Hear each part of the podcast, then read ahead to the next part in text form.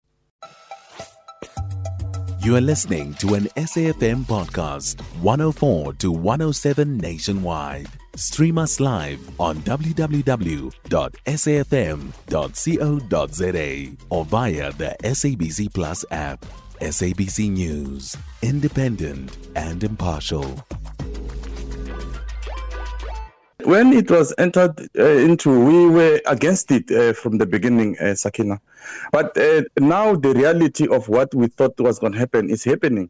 Because if you look at what is happening in uh, Komati, for example, where a power station was closed uh, with the aim of building uh, sol solar panels, the, the, the town is becoming a ghost town. you know people have lost their livelihood workers have lost their their their their, their jobs you know the town is becoming uh, like economically inactive because the the the more the, the one thing that was uh, assisting the economy there is is closed But, but was the argument not that there would be jobs created uh, through uh, the uh, production of uh, renewables and therefore that would be mitigated to some extent? Has that not happened? Uh, it, it, it, it hasn't happened. There's a difference between what is on paper and, and, and practice. You know, on, on paper, the, the energy transition, it looks very well. But now when you go to reality, you go to the ground, uh, you realize that people actually, uh, firstly, there's no proper consultation. Communities were not properly con- consulted. Uh, also, the workers are not properly consulted. So uh, uh, there is a difference between what is on paper and what's in, in practice. Let's talk about that consultation uh, uh, in terms of what your expectations are uh, vis-a-vis what actually transpired. So, were there consultations? At what level did this happen? And why are you dissatisfied about that?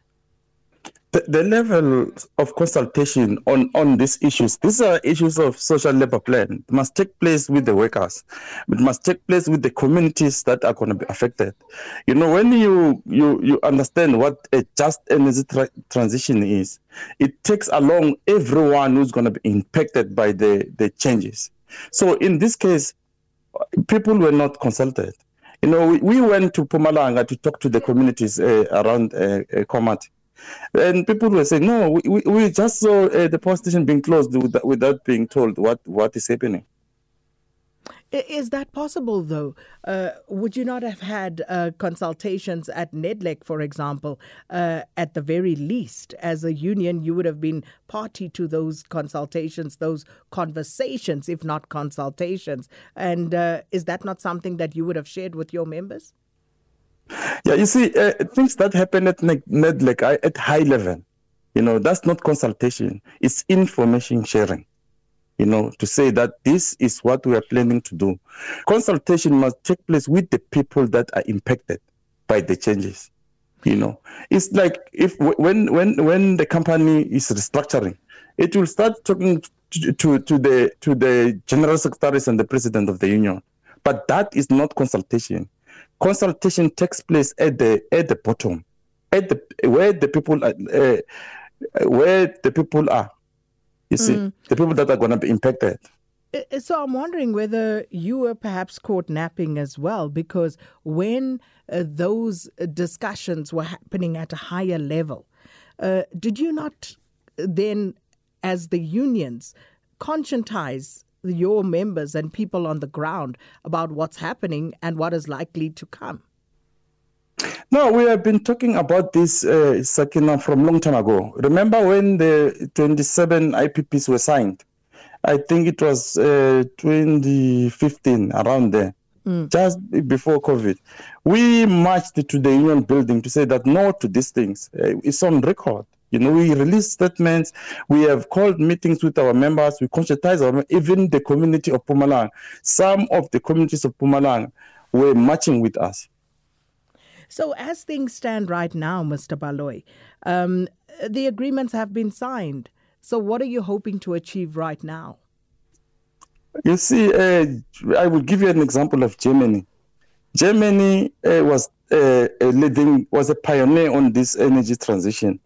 But if you you you, you are listening at what's happening now, they have gone back to open some of their, their coal power stations because they have realized that the, the security of supply was affected by the, the fact that they were moving to solar and, and wind because of the, the, the issue of the reliability. of, of, of and the availability of, of, of these two sources of energy. They are not available all the time. They, they, they cause disruptions even on, on, the, on the grid, you know, because they, those two sources, uh, uh, they, they, they, they are not available all the time, really. So, Mr. Baloy, eh, eh, eh, you are an affiliate of COSATU, which is, of course, uh, an alliance partner of uh, the ruling ANC.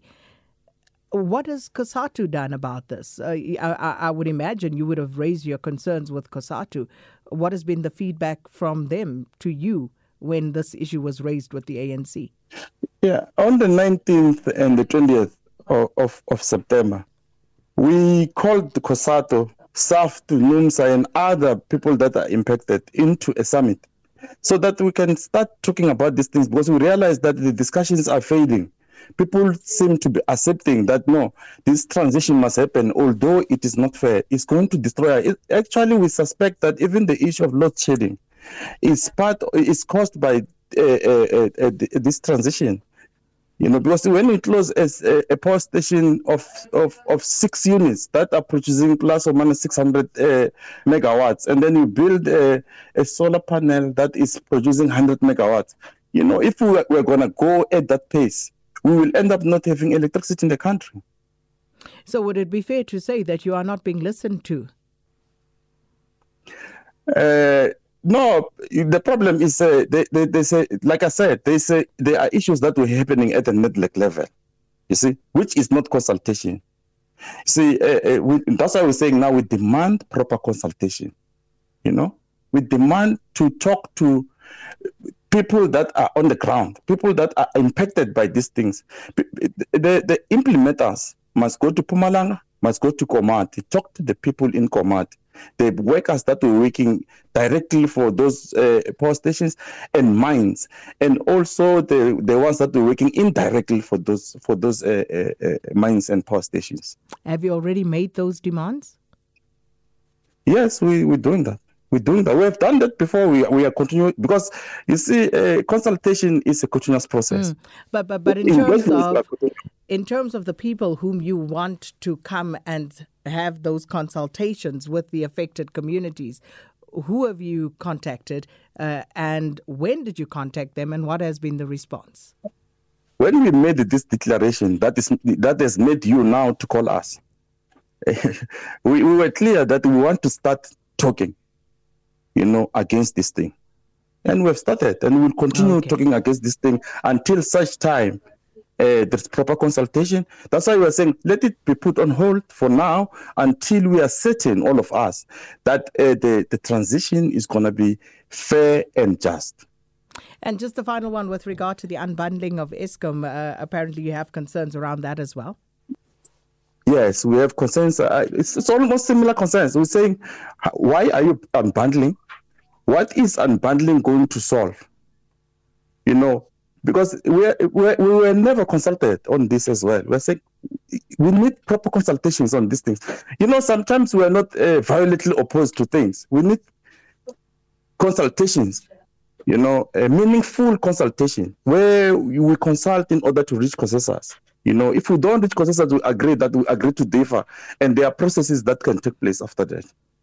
Mr. Kangela Baloyi, we'll leave it there. Thanks so much. Uh, that's the NUM Energy Sector Coordinator uh, talking to us about their concerns and, of course, expressing uh, their uh, the, the fact that they would like to see consultation because uh, there wasn't any consultation at the grassroots level, especially with those who are impacted by this uh, transition and uh, the just energy transition, what it's meant to be, and how it's playing out